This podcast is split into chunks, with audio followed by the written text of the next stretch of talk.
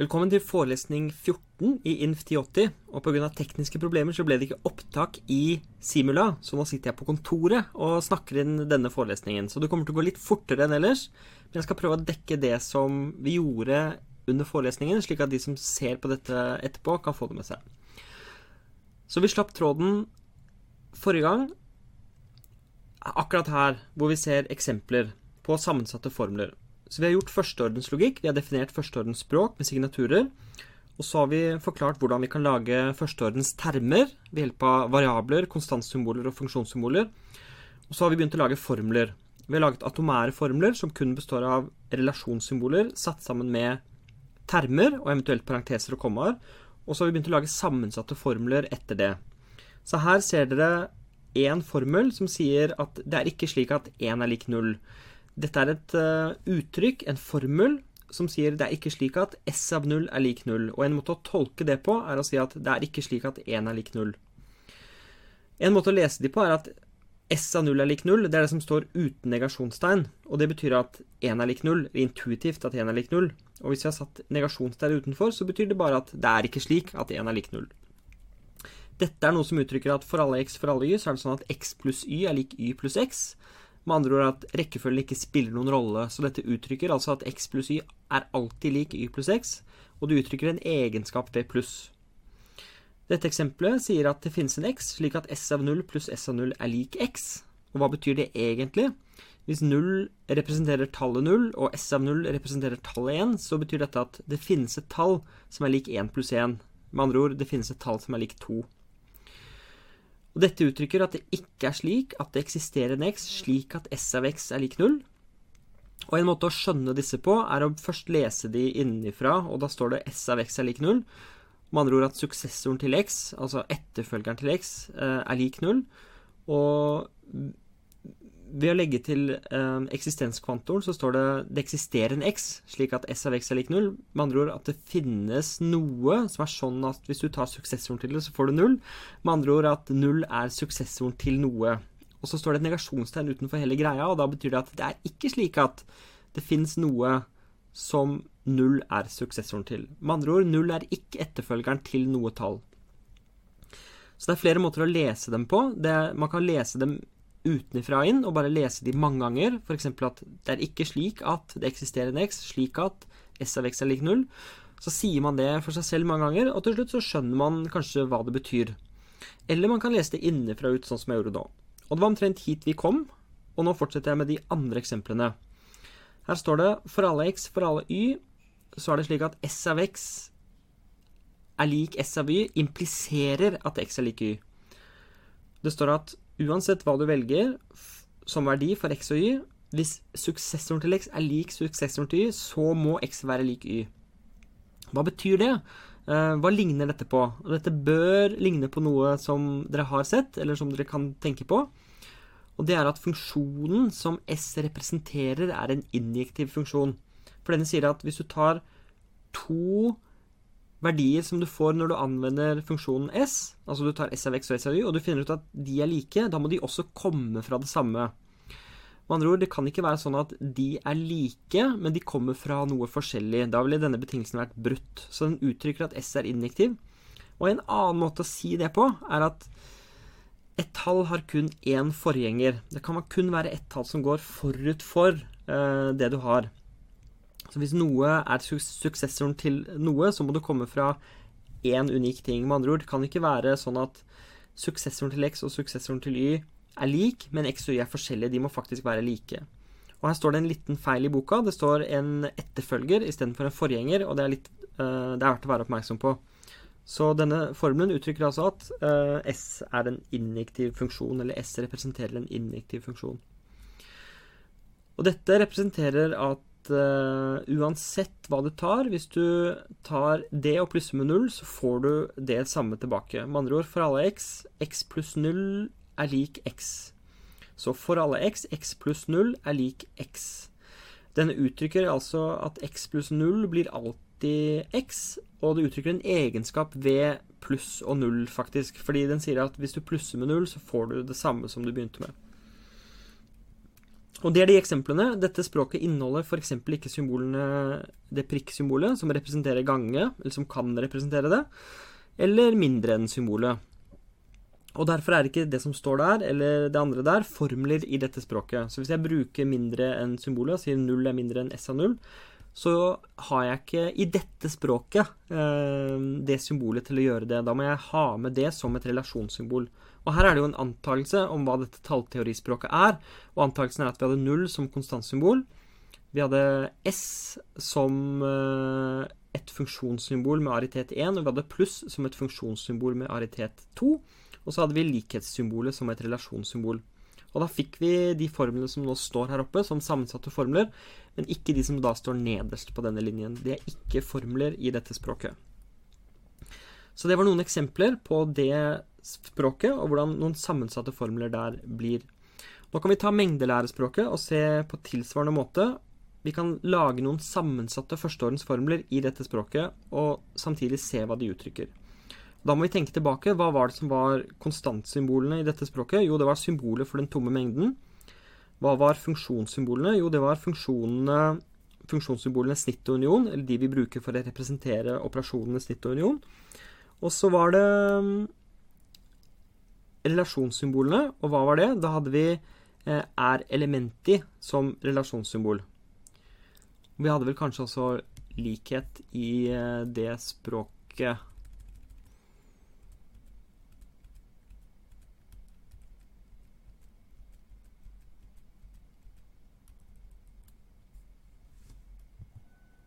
Ja, det hadde vi. Vi hadde likhet med i språket. Nå skal vi først se på noen formler som faktisk ikke er sammensatte. Det som står der, er at x er et element i y union z. Det er en atomær formel, og den uttrykker at x er et element i unionen av y og z. Her står det altså x er et element i y union z. Og det er en atomær formel fordi det som står i midten, er et relasjonssymbol, og det som står på hver sin side, det er termer i dette språket. Og det som står her, er at x snittet med y union z er lik x snittet med y union x snittet med z.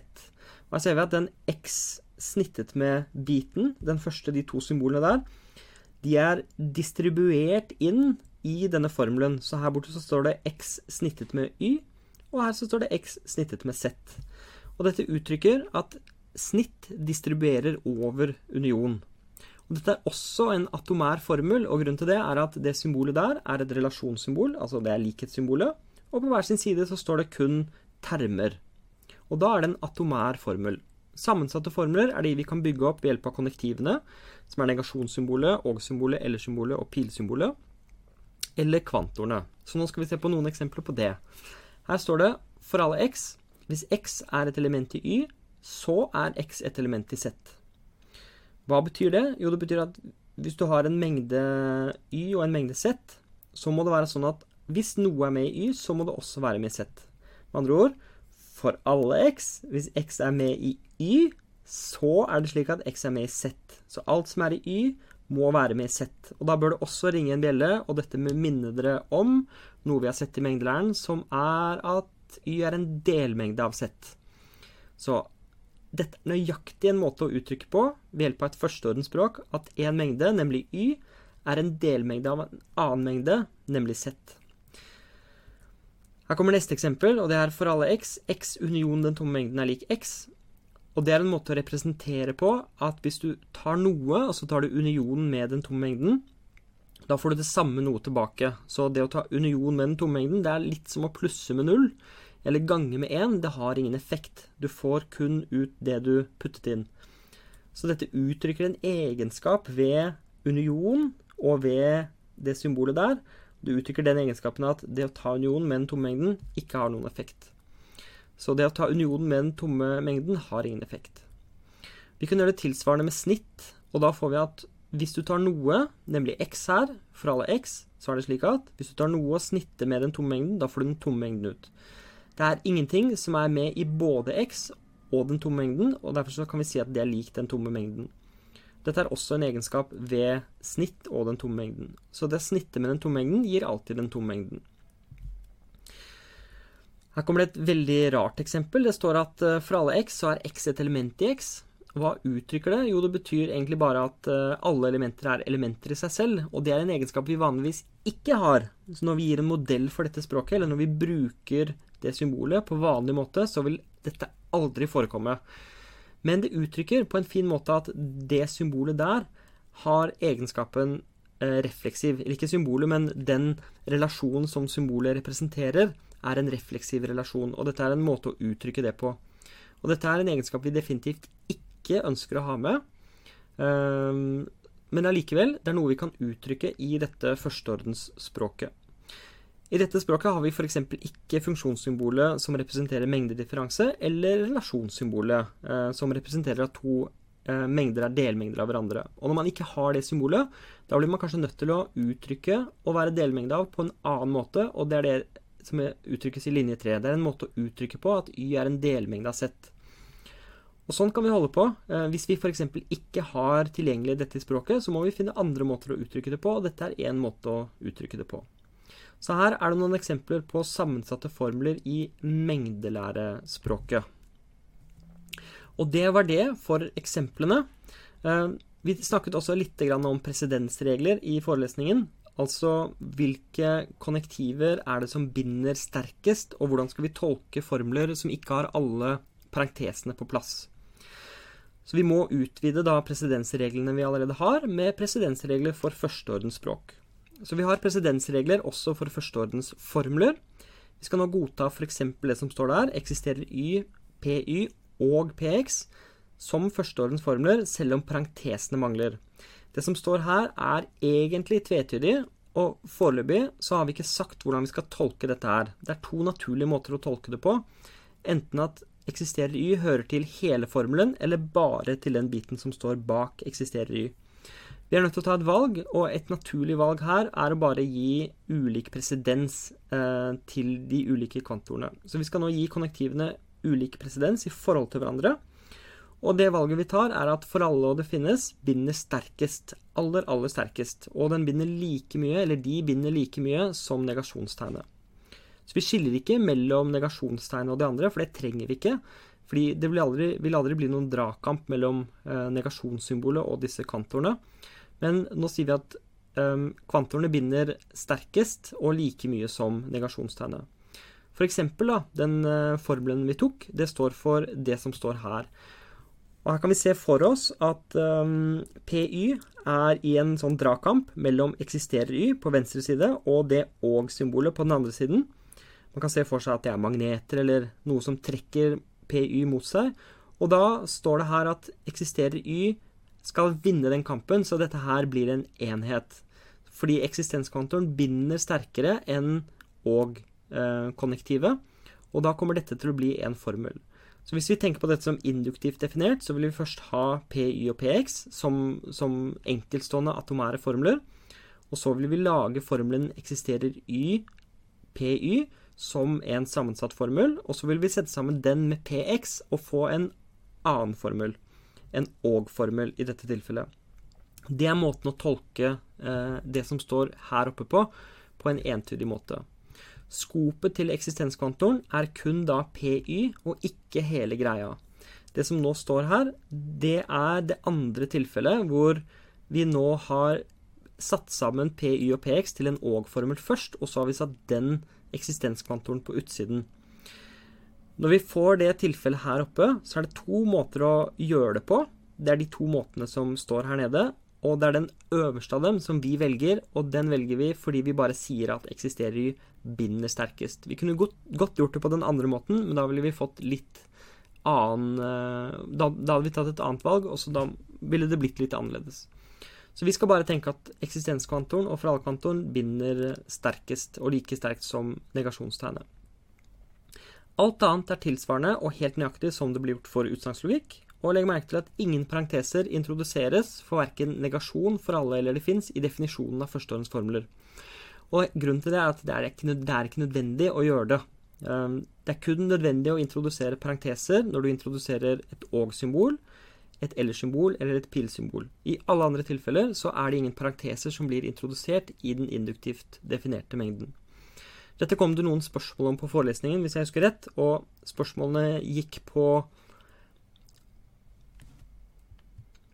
om det var mulig å gjøre det på andre måter, og det er det. Vi har valgt én måte å gjøre det på, og den fungerer veldig fint. Og dette var avslutningen av kapittel 13, og da går vi over til kapittel 14. Da går vi i gang med kapittel 14, som er representasjon av kvantifiserte utsagn. I dette kapitlet så lærer du om predikater, egenskaper knyttet til frie variabler, og hvordan førsteordens språk kan brukes til å representere kvantifiserte utsagn.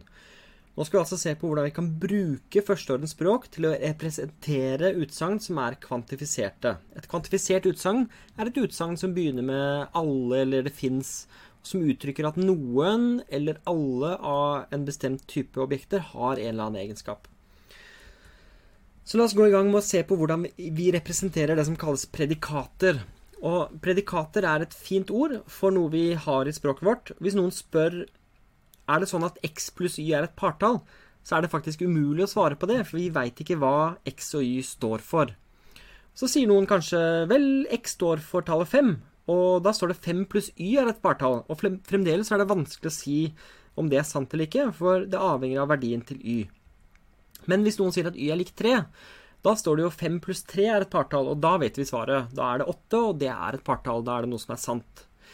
Og det vi ser er at Før vi bestemmer verdien til x og y, så er det ikke sånn at utsagnet eller uttrykket har en bestemt verdi. Og Vi kaller dette for predikater fordi det er noe som eh, er der, som er plassholdere, som ikke har fått sin verdi ennå. Det er såpass viktig at vi fanger det inn i en definisjon, så her kommer definisjonen av et predikat. Et predikat er et uttrykk som inneholder én eller flere plassholdere, og som blir sant eller usant når vi erstatter plassholderne med verdier. Så det vi ser der oppe, er eksempler på predikater helt inntil de får noen verdier, og da ser vi på det som et utsagn, noe som har en definitiv sannhetsverdi, sann eller usann. Dette er også grunnen til at predikatlogikk brukes synonymt med førsteordenslogikk. Og vi kjenner predikatet godt fra induksjonsbevis, fordi her er det som regel en påstand med én eller flere plassholdere som bevises for alle elementer i en induktivt definert mengde. Hvis dere tenker over det, så tenker dere på hva er det induksjonsbevis er? Jo, det er bevis for at en påstand holder for alle elementer, og da uttrykker, uttrykker vi gjerne den påstanden kanskje på formen px eller noe, hvor x-en er plassholderen, og uansett hva vi setter inn for x, så blir px da påstanden for det aktuelle elementet. Så vi er godt kjent med dette fenomenet predikater fra før. Vi skal se et enkelt eksempel på et predikat. F.eks. x er en god person. Det er et predikat. Fordi det er et uttrykk med en plassholder, og når vi setter inn for den plassholderen, så får vi noe som er sant eller usant. Vi kan representere dette predikatet ved hjelp av en atomær formel, f.eks. gx, hvor x er en fri variabel, eller vi kaller det bare en variabel. Og G er et relasjonssymbol med aritet 1. Det er en måte å representere på at X er en god person. Så GX er noe rent syntaktisk som representerer et predikat som vi tenker på som det som er eh, i semantikken. Så her er G et relasjonssymbol med aritet 1, som vi sa. Og det er naturlig med aritet 1 fordi predikatet som representeres, nemlig X er en god person, har én plassholder. Når vi så har representert predikater som atomære formler, så kan vi legge på kvantorer og få sammensatte førsteordens formler. En sånn er jo eksisterer x gx, og den kan vi lese som det finnes en x slik at gx, det finnes en x slik at x er en god person, eller bare det finnes en god person. Alle dette er måter å lese det uttrykket på som alle er like gode. For alle x gx kan leses som for alle x er det slik at gx. For alle x x er en god person, eller bare alle er gode personer. Og dette er måter å lese førsteårens formler med kvantorer på. Noen kommentarer. Um, det er ingenting i veien for å legge på en kvantor med en annen variabel. Altså Vi står helt fritt når vi lager førsteårens formler til å legge på kvantorer sånn som vi vil, men det er ganske meningsløst. Eller det kan bli meningsløst. Formelen eksisterer en y slik at gx kan leses som det finnes en y slik at x er god. Vel, i dette uttrykket så fungerer x fortsatt som en plassholder, fordi inni det uttrykket så er jo x en variabel som ikke har fått sin verdi, og den er heller ikke i skopet til en kvantor. Det står at det eksisterer en y, slik at gx, og x-en der er fremdeles det vi kaller en fri variabel. Så hele uttrykket kan derfor fremdeles tolkes som et predikat, selv om det er en kvantor ytterst. Og vi sier altså at x er en fri variabel i den formelen. Eksisterer y, gx. Og da er det på plass uh, å snakke litt om syntaktiske egenskaper knyttet til frie variabler. Og jeg tror vi skal begynne med å definere hva det er. Så uh, her kommer definisjonen av en fri variabel, og hva det vil si at en formel er lukket. En variabelforekomst i en førsteordens formel, den er fri, sier vi, hvis den ikke er bundet. Og det at den er bundet, det er definert i definisjonen av førsteordens formler. Og det betyr bare at den er innenfor skopet til en kvantor.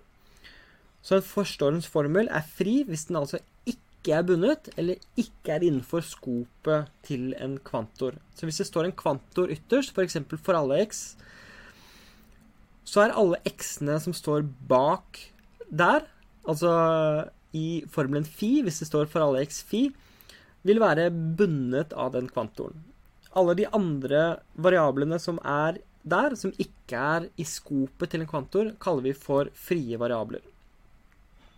Og en formel er lukket hvis den ikke inneholder noen sånne frie variabler. Så hvis alle variablene er innenfor skopet til kvantorer, så kaller vi, så kaller vi formelen for lukket. Så det er en distinksjon altså mellom eh, lukkede formler og formler som inneholder frie variabler. Og da er vi nødt til å se på noen eksempler. Så vi skal nå se noen eksempler på formler som inneholder både frie og bundne variabler, og eksempler på lukkede formler. La oss først se på denne formelen her. Her står det for alle x er xy og pz.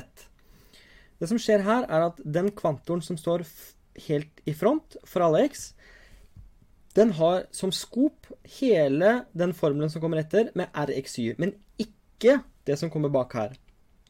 Og det er fordi vi har valgt presedensreglene slik at for alle og eksisterer og ikke binder sterkere enn de andre konnektivene. Så det som jeg holder pekeren under nå, det blir én en enhet og én formel. Så skopet til den kvantoren er kun det som er der. Det betyr at x-en som er der, den er en bundet variabel. Og den er bundet av denne kvantoren som er ytterst. Den y-en som er der, på andre posisjon, og den z-en som er helt bakerst der, er frie variabler. Dette er derfor ikke en lukket formel, fordi den inneholder altså frie variabler. La oss nå ta et annet eksempel. Her står det for alle x pxy, pil for alle z pzx. Og igjen så får vi en for alle-kvantor her, som har som skop den formelen som står bak her, pxy. Så den x-en der er bundet av den kvantoren som står ytterst. Her forekommer y fri. Og på samme måte så har vi bak her for alle z PZ, og den z-en som står der, er bundet av den kvantoren der. Men her er det en X som forekommer fri. Så selv om vi har en kvantor helt ytterst her, så rekker ikke den frem dit. Den har kun den formelen som står rett bak, som sitt skop. Men hadde det stått en parentes her foran den P-en, og en sluttparentes helt her til slutt, så ville skopet til den ytterste kvantoren her vært hele den formelen. Men det er det ikke nå. Så den variabelen som står der, den y-en, den forekommer fri. Og den som står her, det er nemlig den x-en, den forekommer også helt fri. Så dette er også et eksempel på en formel som inneholder frie variabler. Her er det en formel som sier for alle x pxa, og her er alle variablene bundet. Her er det kun én variabel, og den er bundet av den kvantoren som er ytterst. A er et konstantsymbol, og her er det ingen variabler som forekommer fri. Og Derfor så er formelen en lukket formel. Og det er også formelen PAB, hvor A og B begge er konstantsymboler. Og Her ser vi at P brukes her på én måte, med aritet 2. Og her oppe så brukes den med aritet 1. Det betyr at jeg har tatt førsteordens formler fra forskjellige språk. Dette kan ikke være førsteordens formler fra ett og samme språk. Men dette er bare et eksempel som viser hva som er frie, og hva som er bundne variabler. Avhengig av hvor kvantorene er, og hva kvantorene binder. Og dette var omtrent det vi dekket i første halvdel av forelesning 14. Og nå går vi over til auditoriet simula, og dere får høre den andre halvdelen av forelesningen, dvs. Si det vi gjorde etter pausen, etter at det ble plass på harddisken som forårsaket den tekniske feilen. Ok, da er vi tilbake. Eventuelt så er dette begynnelsen på forelesning 14, for vi hadde litt tekniske problemer eh, med første opptak. Ok, Så hvor er vi? Nå har vi tatt eh, litt om uh, syntaktiske egenskaper ved førsteordens formler. Vi skiller mellom lukkede og ikke-lukkede formler, og det skillet er veldig nyttig. Grunnen til at det er nyttig, skal vi komme til veldig tydelig i semantikken. Men tidligere, bare for å bygge litt intuisjon, så definerte vi utsagn som noe som er sant eller usant. Og så brukte vi utsagnslogikk til å representere utsagn. En lukket formel, en som ikke har noen frie variabler i seg, er i praksis som et utsagn. Det er et eller annet som vi skal bestemme oss for om er sant eller usant i forhold til det vi skal kalle en modell. Eller med, ved å bruke det vi skal kalle en modell. Så når vi kommer til semantikken, så skal vi se på hvordan lukkede formler kan tolkes, slik at de får en sannhetsverdi, sann eller usann. Vi skal ikke bry oss om å tolke formler som ikke er lukkede. Vi skal bare si at vet du hva, de blåser vi. Vi, eh, vi ser kun på de lukkede formlene, og så jobber vi derfra. Men nå Og det er kanskje den gøyaleste delen synes jeg, av dette. Kunsten å uttrykke seg med et førsteordens språk. Hvordan kan vi bruke dette til å uttrykke oss? Og nå skal vi skjerpe den evnen eh, ved å se på mange eksempler til. Men vi skal se på litt mindre matematiske eksempler først. Så vi skal lage oss et førsteordens språk for å uttrykke beundring. Det at noen liker noen andre og, og sånn. Så nå definerer vi et førsteordens språk for å representere utsagn om beundring ved å la signaturen være følgende. A og B er konstantsymbolene våre. De representerer da noen elementer. Kanskje Alice og Bob, f.eks. Det er ingen funksjonssymboler, fordi mellom her, mellom de to semikolonene så er det ingen symboler. Så det er ingen funksjonssymboler. Så vi slipper å tenke på det. Så alle termene våre er enten konstantsymbolene A eller B, eller en variabel. Så nå har vi ikke den ekstra kompleksiteten med termer. Og det gjør det litt enklere. Og så har vi to relasjonssymboler, og det ene er idol, og det andre er liker. Og nå må vi bare anta noe, og vi antar at idol har aritet 1. Så vi kan da si idol A eller idol B, idol X, idol Y osv. Men liker har aritet 2, så kan vi si liker XY, liker AB osv. Følgende er eksempler på uttrykk som Eh, eller som representeres med atomære formler. Så hvis vi nå bare setter sammen et relasjonssymbol med en term, A, som er et konstantsymbol, så får vi den atomære formelen idol A. Og det vil jeg nå skal representere at Alice er et idol. For eksempel. Igjen, nå bare gjør jeg noen antakelser underveis. Det er ingenting av dette som er, eh, som er absolutt. Jeg bare tar noen valg. Jeg har tatt noen valg nå, at idol har realitet igjen. Og så har jeg tatt noen valg med hva som er konstantsymbolene. Og så har jeg laget meg en formel, og så nå sier jeg det, at den representerer um, setningen 'Alice er et idol'. Jeg bare tar det valget. Og så skal jeg gjøre det samme for liker AB. Og så skal jeg bare si at vet du hva, det representerer at Alice liker Bob. Og det jeg har gjort nå, er å velge noe med rekkefølgen. For jeg kunne godt sagt at liker AB er noe sånn som at um, A blir likt av B. Eller noe sånt. Som er det omvendte. Bob liker Alice. Uh, men nå velger jeg da at liker AB når det står i den rekkefølgen så er det da det første som står der, nemlig den A-en, som liker det andre som står der som den B-en. Så Alice liker Bob. Det er den retningen eh, det går. Og dette er igjen bare et valg jeg tar. Det er helt vilkårlig. Men nå vil jeg at eh, den atomære formelen liker AB skal uttrykke at Alice liker Bob. Og da kan jeg sette inn en variabel som dette. Eh, liker XA. Hva representerer det nå? Vel, dette er jo en utsagnslogisk formel som er atomær, og som er én fri variabel, nemlig den x-en. Den x-en er ikke bundet av noen kvantor. Den er ikke i skopet til noen kvantor. Så dette her representerer et predikat, og det predikatet er x liker Alice. At x liker Alice, hvem nå en x er, eller hva nå en x er. Og da har vi på en måte lagt grunnen for det som kommer videre. Um, og nå skal vi lage sammensatte formler. Så følgende er eksempler på uttrykk som representeres med sammensatte formler. Og Det vi nå skal øve oss opp i, er å gå veien fra førsteordens formler til utsagn. Så Vi skal bare lage oss noen formler, og så skal vi tenke oss frem til hva er det de faktisk representerer. Og så skal vi begrunne det. Og legg merke til at Alle formlene som kommer nå, er lukkede formler. De har ingen frie variabler slengende rundt. Hvis det nå står noe sånn som dette For alle x liker AX. Hva betyr det? Og hvordan kan vi tolke det eh, gitt at vi tolker liker på den måten som vi gjør. Hvis vi leser det rett ut, så står det for alle x så er det slik at um, Alice liker x. Ok, For alle x så er det slik at Alice liker x. Hva betyr det? Jo, Det må jo bety at Alice liker alle, det da, uansett hvem det er. Så Alice liker alle syns jeg er en fin eh, måte å uttrykke det som den formelen uttrykker på. Det var mange uttrykker i samme setningen, men, men det er en setning da, Alice liker alle, som representeres med denne formelen. Og igjen så er det så utrolig viktig at vi har et skille nå mellom syntaksen på den ene siden og det semantiske på den andre siden. Eller det som representerer noe, og det som representeres. Så det som representeres, det er et fenomen i verden. Eh, at Alice liker alle. Hun er veldig sjenerøs. Hun liker alle. Ok, Det kan vi representere med den formelen der. Dette er forresten det man gjør i sånn kunnskapsrepresentasjon. Hvis du skal ha en datamaskin til å regne på uh, kunnskap, på en eller annen måte, så er du nødt til å representere utsagn på en eller annen måte som dette. La oss ta neste formel, som vi bare finner på. Eh, eksisterer x, idol x. Vel, det må finnes da en x, slik at x er et idol. Med andre ord, eh, det finnes et idol. Foreløpig er det greit, ikke sant? Um, sånn. Og så bygger vi opp kompleksiteten. Um, her står det for alle x. Hvis liker bx, så liker ax. Ok, så Da må vi prøve å formulere på en måte sånn at vi skjønner det. Så det her står det uansett hva du velger eh, som verdi for x, så må det være slik at hvis b liker x, så er det sånn at a liker x. Og b var Bob, og a var Alice. Så uansett hva det er, hvis Bob liker eh, denne x-en, da, så må Alice også like denne x-en. Eh, med andre ord Uh, Alice liker alle som Bob liker. Og det er måten jeg vil uttrykke det på. Så Alice liker absolutt alle som Bob liker. fordi hvis Bob liker denne X-en, så liker Alice denne X-en for alle X. Og vi kunne nå gjort dette omvendt. Vi kunne begynt med et sånn utsagn som det på høyresiden, og så kunne jeg spurt dere hvordan vil du representere det med førsteordenslogikk. Og da er oppgaven å gå tilbake og finne et ålreit utsagn eller ålreit uttrykk som faktisk representerer det. Så dere kan også øve dere med å gå den andre veien. Begynne med det uh, uttrykket på høyre side og se om dere klarer å finne det på venstre side. Men nå gjør jeg altså den andre veien.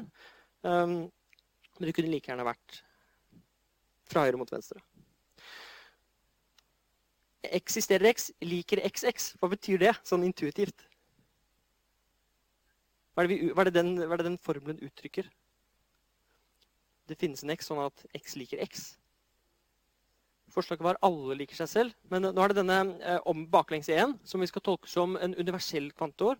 Nei, en eksistensiell. Altså, vil si at det finnes en X, slik at X liker X. Så det trenger ikke være sånn at alle X, X liker X. Men det må finnes en X, sånn at X liker X. Ja, men du mente å si det. Eh, ja, men, men du gjorde det, sannsynligvis. Eh, så det finnes en X som liker seg selv. Er det ikke det? Det må finnes en X, X liker X, så noen liker seg selv, faktisk. Det uttrykker det.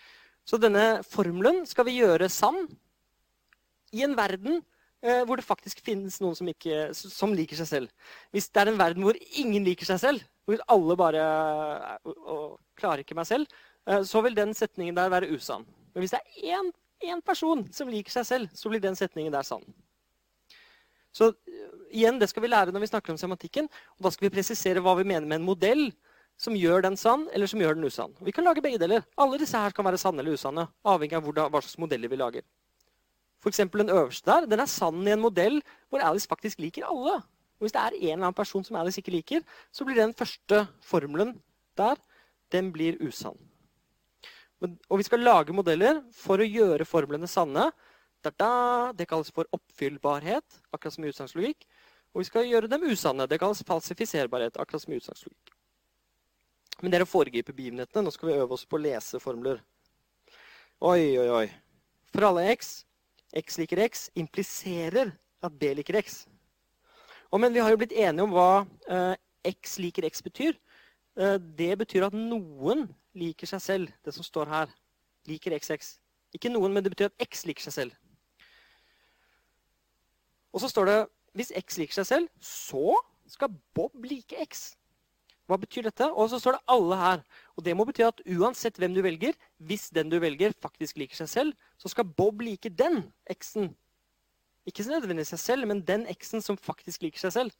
Så BX, der er den X-en, og den refererer tilbake til den som står der og den som blir kvantifisert over der.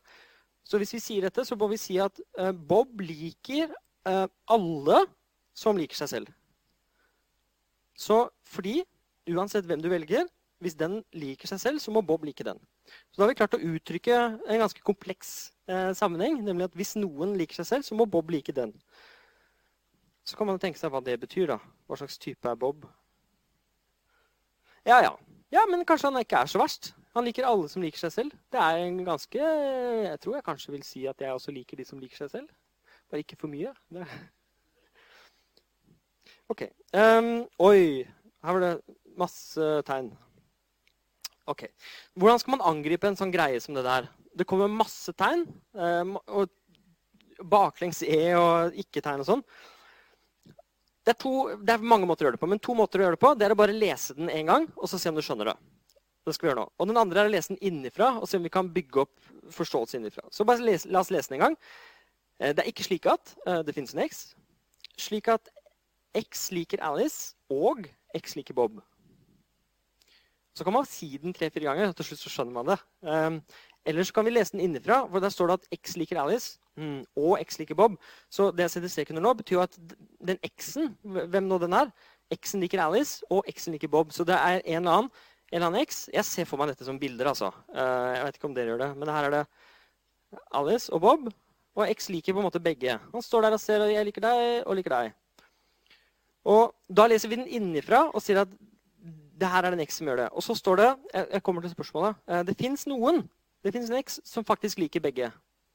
Men så står det ikke helt foran, så jeg må jo huske på den. Så det er faktisk ikke slik at det fins noen sånn X som liker både Alice og liker Bob. Um,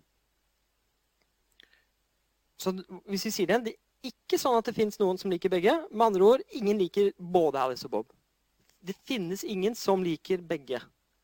Fordi Um, hvis vi later som om det negasjonstegnet ikke står der, og så sier vi det som står der. Og da står det det fins noen, det fins en X, slik at X liker Alice og X liker Bob. Og så må vi legge den til igjen. Det fins ikke noen som liker begge. Så det er en annen måte å, å nærme seg det på.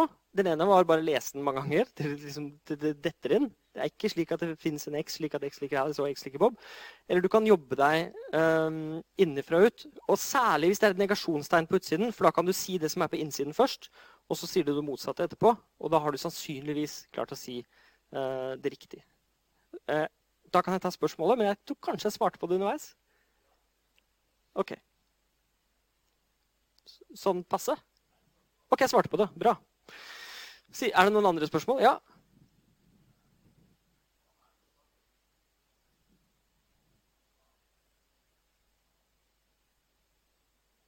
Ok, uh, Det du sa nå, hva med Alice, da? For hun liker jo seg selv fordi hun liker alle. Um, og det du har begynt å gjøre nå, er å lage en modell i hodet ditt uh, av hvordan denne verden ser ut, hvor du gjør alle formlene samtidig sanne. Uh, og nå ser vi, e, Egentlig så ser jeg på hver formel uavhengig uh, av de som er over. Så vi bygger ikke opp en verden nå um, som er sånn at Alice liker alle, det fins et idol alle, Alice liker alle som Bob liker.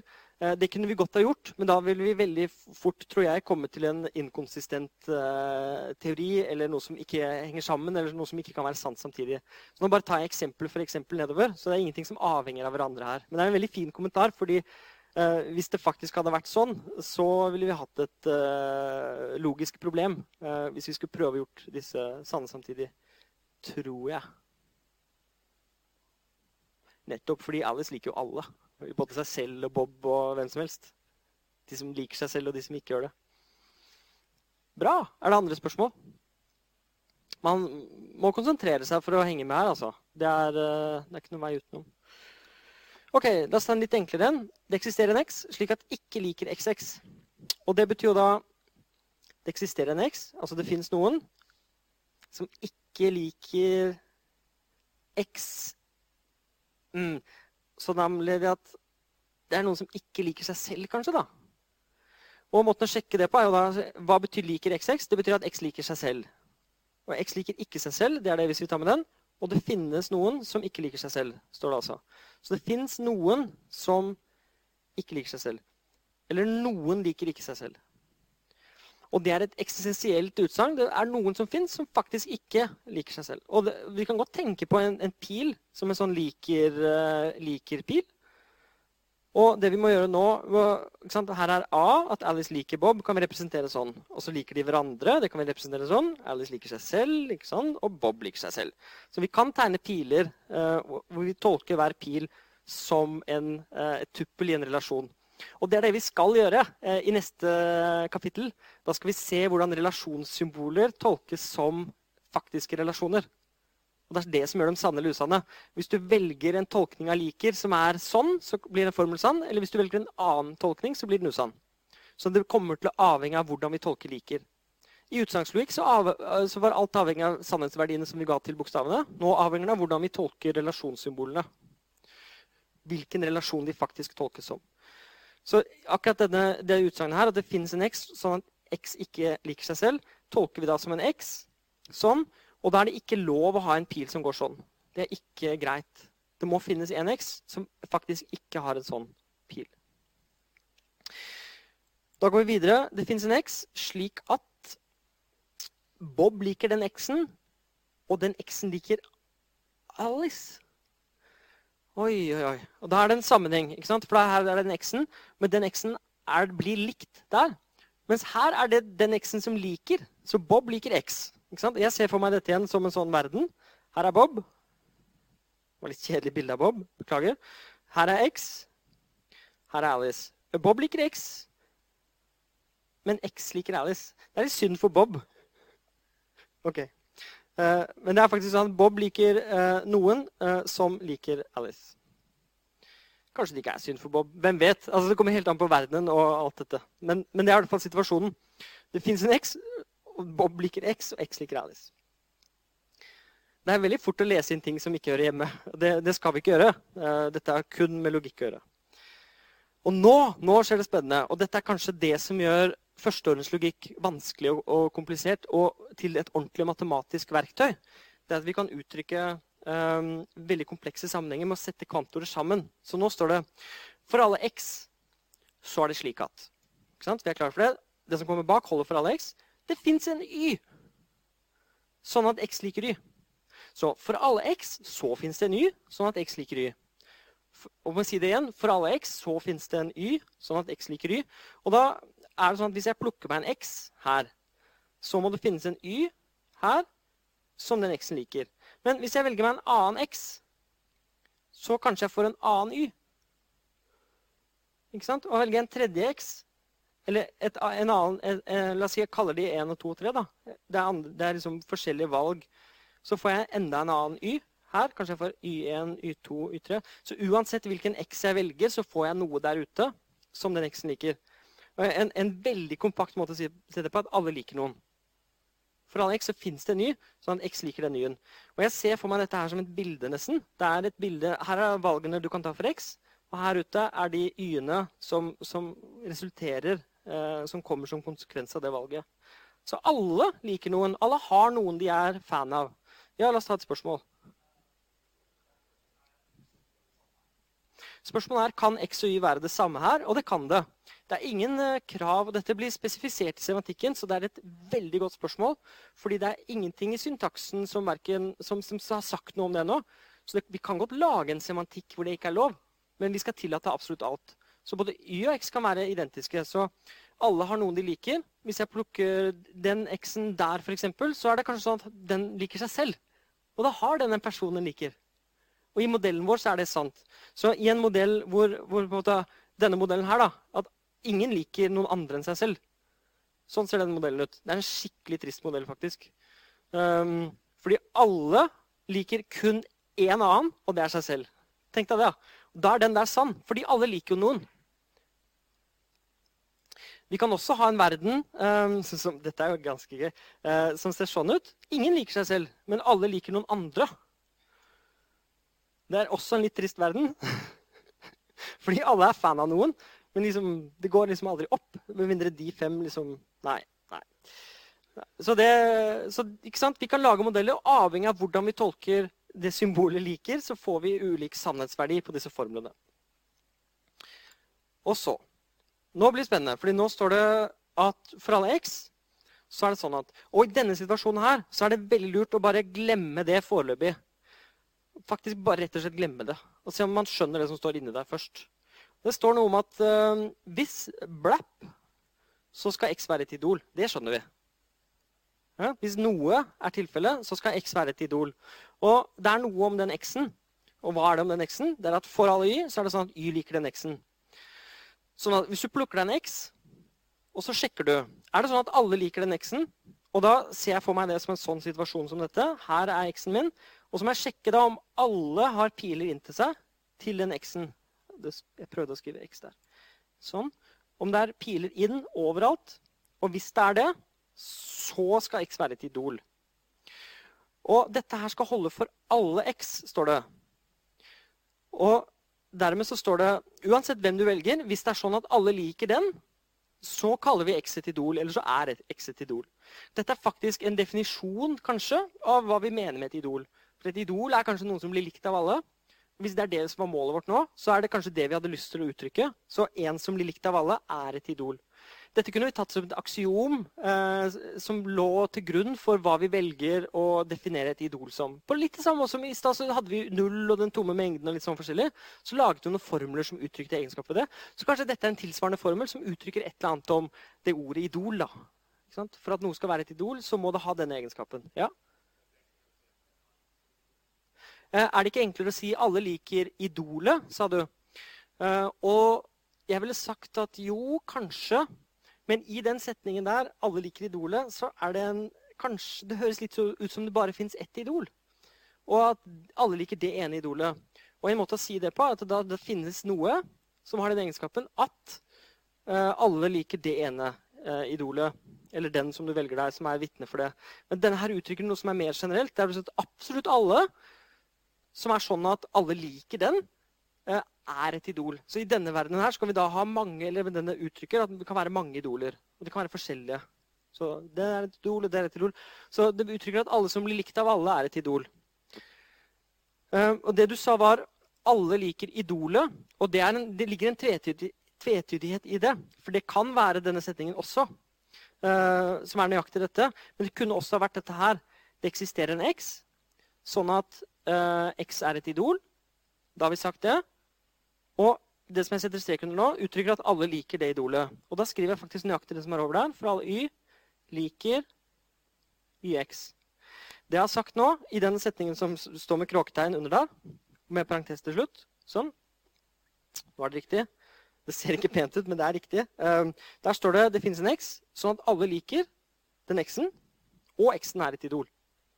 Så den, den uttrykker egentlig ikke det at um, denne egenskapen om at alle liker noen, er et idol. Den uttrykker egentlig bare at den eksen er faktisk sånn at den eksen er et idol, og at alle liker den. Men et veldig fint spørsmål. Et annet spørsmål?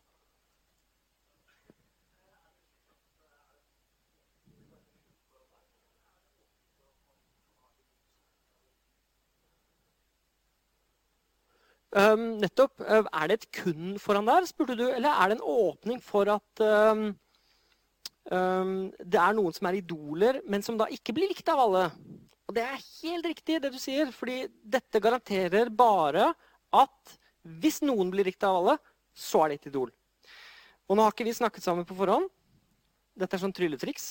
Uh, men hvis vi snur om på de to Vi sier det motsatte.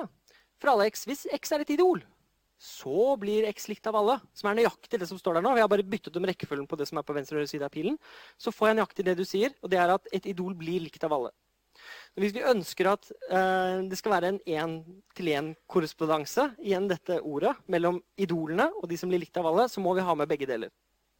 Hvis vi kun har med eh, den første, som vi så, den der, så har vi faktisk bare den ene veien. At hvis det er noen som blir likt av alle, så er det et idol. Men det kan være masse andre idoler også. Kanskje de ikke blir likt av alle. Men i hvert fall de som blir likt av alle, må vi da kalle for idoler. Eller de er det. Ja? Ja?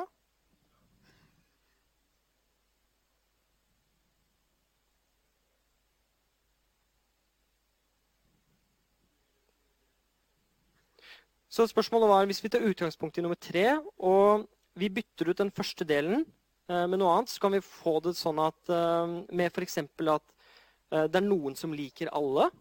så må vi eh, få det til på sånn måte at Alice liker den eh, som liker alle. Og det kan vi godt gjøre hvis vi tar det som står her, for her står det at Bob liker X. Men hvis vi i stedet for bytter ut det med det her nede, med at alle liker X Hvis vi hadde gjort det, byttet ut det som jeg nå skriver under, med for alle Y liker X, Y, så hadde vi sagt Hvis jeg nå pusser ut det, så hadde vi sagt at Vet du hva? For alle som fins um, Hvis den eh, vi har valgt, faktisk liker alle, så må Alice like den som liker alle. Så det er en fin måte å uttrykke på at Alice er en sånn eh, person som uh, liker sånne som liker alle. Og det er litt sånn fint, da. Alice er litt sånn, hvis, noen, hvis det fins noen som faktisk liker alle, så liker Alice denne. Og her er det bare å være kreativ. Her kan du uttrykke nesten hva som helst um, som er av denne typen. Du kan ikke uttrykke alt, men du kan uttrykke alt som er av denne typen, hvor du kvantifiserer over i dette tilfellet noe vi tror er personer. Noe vi antar er personer. I neste kapittel skal vi lage modeller for disse formlene, som gjør formlene sanne eller usanne, avhengig av hvordan vi tolker de forskjellige symbolene. Og det vi skal tolke, det er nøyaktig det som er i signaturen, og ikke noe annet. Det er det som er det, det, er det, som er det kule. da. Eh, vi skal tolke a-ene, b-ene, ordet liker, ordet idol. Og når vi er ferdig med det, så vil alle disse falle ut som sanne eller usanne, avhengig av hvordan vi har tolket A, B og liker og idol. Når vi har valgt tolkningen av de fire symbolene, så vil absolutt alt ha en sannhetsverdi. Sann eller usann. For da har vi valgt modellen. Vi må også velge en ting til. Det er nemlig hva som er mengden. Hva som er domenet. Det er det første vi gjør. Men nå går jeg eh, for fort frem. Ehm, det er det vi skal gjøre i neste forelesning. Så skal vi tolke alle som sanne eller usanne. Nå skal jeg si litt om valg av førsteordens språk. For nå har vi laget oss et språk for beundring og idol og AB og sånn. Og det var egentlig for å gi dere et eksempel som var mer jordnært enn dette med tallteori. Men vi bruker forskjellige språk til forskjellige formål, og noen ganger ønsker vi et rikt språk med mange symboler for å uttrykke mye på en kompakt måte. Andre ganger ønsker vi et lite språk for å beholde kontrollen og gjøre mye med enkle midler. Dette er akkurat som i programmeringsspråk. Noen programmeringsspråk har en manual på tusenvis av sider, for at du skal kunne gjøre alt på én linje. Noen programmeringsspråk har en manual på 20 sider, hvor du skal kunne gjøre alt, men du må skrive veldig mye. Akkurat sånn er det her også. Her er det ingen fasit, og hvilken signatur vi velger, avhenger av hva vi ønsker å gjøre. Sånn er det med programmeringsspråk også. F.eks. SSS0 kan være en uh, representasjon av tallet 3. Det kan også 1 pluss 1 pluss 1 være.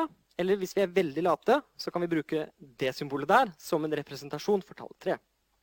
Og vi så jo et språk for tallteori. Og det var, det, det var, den signaturen her som ga oss det språket. Den hadde konstantsymbolet 0, hadde S og pluss som funksjonssymbolet, og likhetstegnet som et relasjonssymbol. Nå kan vi se på en annen signatur som beskriver et annet språk for tallteori. Vi kan legge til 1. Altså, vi kan ta bort eh, funksjonssymbolet S. Vi fjerner det. Og da kan vi ikke lenger si suksessoren til noe. Um, men vi, vi, vi, har pluss. Og hvis vi da tar med 1, så kan vi si sånne ting som 1 pluss 1 pluss 1. Da har vi en representasjon av 3. Så vi har konstantsymbolet 1 i tillegg. Og så tar vi med gange. Så jeg her, veldig subtil forskjell. Der er det et gangetegn. Her er det ikke et gangetegn. Så har vi tatt med oss det. Og så tar vi med et relasjonssymbol mindre enn. Og da kan vi plutselig uttrykke mange andre spennende ting. Og nå sier vi at alle symbolene har aritet 2. De enkleste termene i dette språket er konstantsymbolene 0 og 1. Det er de som står øverst der, og alle variablene. Og ved å bruke pluss og gange så får vi da termer som 1 pluss 1. Det representerer 2. Vi kan ha 0 ganger 1, som representerer 0. Vi får x pluss 0, som er en term som ikke har noen definitiv verdi før vi velger oss uh, verdien til x, men det er en fin term. x ganger x er en annen term. Og f.eks. 1 pluss 1 ganger 1 pluss 1. Her bruker vi innfiksnotasjon for både pluss og gange. Så er dere komfortable med tegnene i språket nå? La oss nå bruke det til å lage noen formler. Så La oss lage noen atomære formler i dette språket og se på hva de betyr. Hva tror du dette betyr? Hvordan skal vi tolke det? Jo, x mindre enn 1. Dette tolker vi som x er lik x. Og dette er nå atomære formler i språket. Hvorfor er det det? Jo, fordi den greia der er et relasjonssymbol, og det som står på hver sin side, er en term. Det er grunnen. Det er ikke bare fordi det ser ut som en formel. Det er formler fordi det som står der, er relasjonssymbol, og dette her er termer. Hvorfor er det termer? Jo, per definisjon så er det en term, og per definisjon så er konstantsymboler termer. Alt følger fra definisjonene. X ganger 1 er lik 1. er en formel som uttrykker at x ganget med 1 er lik x. Og det uttrykker et predikat, for det har ingen verdi før vi velger oss en verdi for x. Dette her er ikke et predikat, eller det er ikke, en, det er ikke noen frie variabler her. Her sier vi at 1 pluss 0, som representerer tallet 1, hvis jeg kan regne riktig, er mindre enn 2, som er det denne termen representerer. Så dere hører kanskje at jeg er veldig presis i språkbruken min. Jeg prøver iallfall å si funksjonssymboler, termer og formler på riktig sted. Men tro meg, forsøk å snakke med hverandre om dette, disse tingene. Så kommer dere garantert til å si gærne ting hele tiden. Eh, jeg har gjort det lenge, og det er derfor jeg ikke gjør det mer. Eh, og det er helt nødvendig å snakke seg gjennom alle de feilene. Og det er det gruppetimen er til for også. Så jo mer gærent dere klarer å si nå mens dere øver, jo mindre gærent sier dere på eksamen. Sånn er det, sånn er det i INF 1000 og de andre kursene også. Uh, dere må gjøre masse gærent nå, og så ikke så mye gærent på eksamen. Ja. Nå skal vi eh, jobbe med litt mer sammensatte formler. Hva med denne? Jo, dette er en måte å si på at x ikke er mindre enn x. Så x er ikke mindre enn seg selv. Og Det er en måte å fange inn på at den, ikke, den er ikke refleksiv, kanskje da, eller nærmere oss, hvis vi hadde satt en alkvantor på utsiden, kanskje. Er dette en sammensatt formel, forresten? Eller er dette en atomær formel? Sammensatt. Det er riktig, fordi her er det et relasjonssymbol. og her er det to termer. Da blir det jeg setter firkant rundt nå, det er en formel. En atomær formel. Og så har jeg satt ikke-tegnet foran. Da blir den sammensatt. For alle x x er mindre enn x pluss 1. Det betyr at x alltid er mindre enn x pluss 1, uansett hva du velger for x. Bra. Så alle tall er mindre enn et tall som er større. Det er i hvert fall en rimelig ting å ha med i en sånn teori. Hva med for alle x? x ganger 0 er lik 0. Og nå prøver jeg å uttrykke ting som jeg ikke kunne uttrykke tidligere. Det det, vi hadde jo masse av disse tidligere, men nå prøver jeg å uttrykke andre ting. Nå kan jeg uttrykke det med gange, at uh, hvis du ganger noe med 0, så får du 0. x multiplisert med 0 blir alltid 0. Men hva med denne? Eh, for alle x så finnes det ny, sånn at x er mindre ny. Uh. For, om jeg sier det igjen. For alle x så finnes det ny, sånn at x er mindre enn ny. Eller sagt på en annen måte. For alle x så finnes det ny, sånn at y er større enn x. Så for alle x så skal den ha noe som er større enn seg. For alle x så skal det finnes en ny, sånn at x er mindre enn y, og y er større enn x. Så med andre ord, for alle tall så finnes det ett som er større. Og Jeg gjør denne snakkeøvelsen fordi det er en måte for dere også å bygge opp denne forståelsen for. Dere bare sier det, og så hører på dere selv. Og hva var det det hørtes ut som? Og så kanskje det ikke treffer, eh, og da må man korrigere litt. Og så går man noen runder, og så finner man ut av det. Og så denne. Og den er sammensatt. Den sier det er ikke slik at det finnes en y, sånn at for alle x så er x mindre enn y. Og hvis du bare sier det, så glir det liksom ikke helt inn hva det betyr. Fordi det er bare så mye greier på en gang. Så hvis vi i stedet for igjen later som om det negasjonstegnet ikke er der, kanskje det blir enklere å si da. Og da står det det fins en Y. Sånn at uansett hva du velger, så er den Y-en større enn den X-en. Hmm. Det fins en Y, sånn at uansett hva du velger, så er den Y-en kjempestor. For den er større enn den X-en du velger. Så uansett hva du velger, så er den Y-en større på en eller annen måte. Ser dere at det er det det betyr? Altså, det fins en Y en skikkelig svær y, som er sånn at for alle de små x-ene, så er x mindre enn den store y-en. Det, det, er det som står der. Så om andre ord så står det uten det negasjonstegnet foran at det fins et kjempestort tall, et tall som faktisk er større enn alle tall. Og Hvis vi nå legger til det negasjonstegnet, så er det faktisk sånn at dette kan uttrykke at det ikke fins et største tall. Det fins ikke et sånn superstor y som faktisk er større enn alle andre de x-ene du velger. Og Nå kan vi prøve å lese den igjen forfra.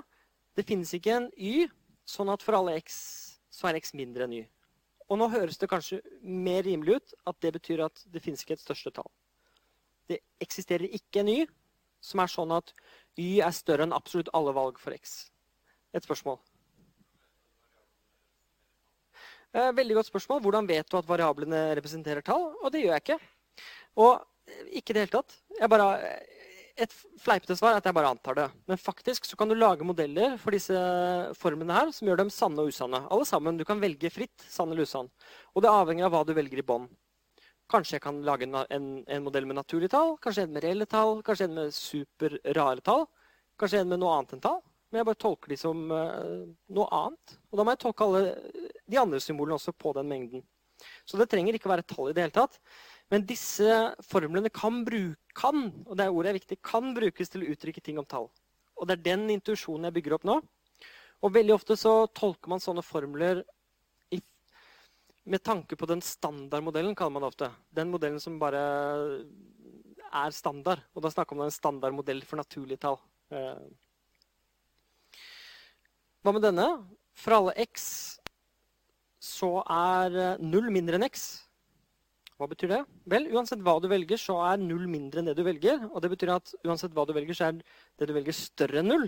Med andre ord, null er det minste tallet. Hvorvidt disse formlene er sanne eller ikke, har vi ikke sagt noe om. Det avhenger av modellen du velger, og det er det vi skal snakke om til uka. Alle disse formlene kan faktisk gjøre sanne eller usanne. De har ingen absolutt sannhetsverdi, disse. De kan gjøre sanne eller usanne, alle sammen. Og det avhenger av hvilken tolkning vi legger til grunn. Og det er det som kalles semantikken. Og nå er jeg faktisk ferdig med kapittel 13 eh, og kapittel 14. Eh, så da fortsetter vi neste uke med kapittel 15 og 16. Et spørsmål? Er ikke null mindre enn eh, alle tall? Og denne, det avhenger av hva du velger deg for modell. Takk for nå. Vi møtes igjen neste uke. Ha det bra.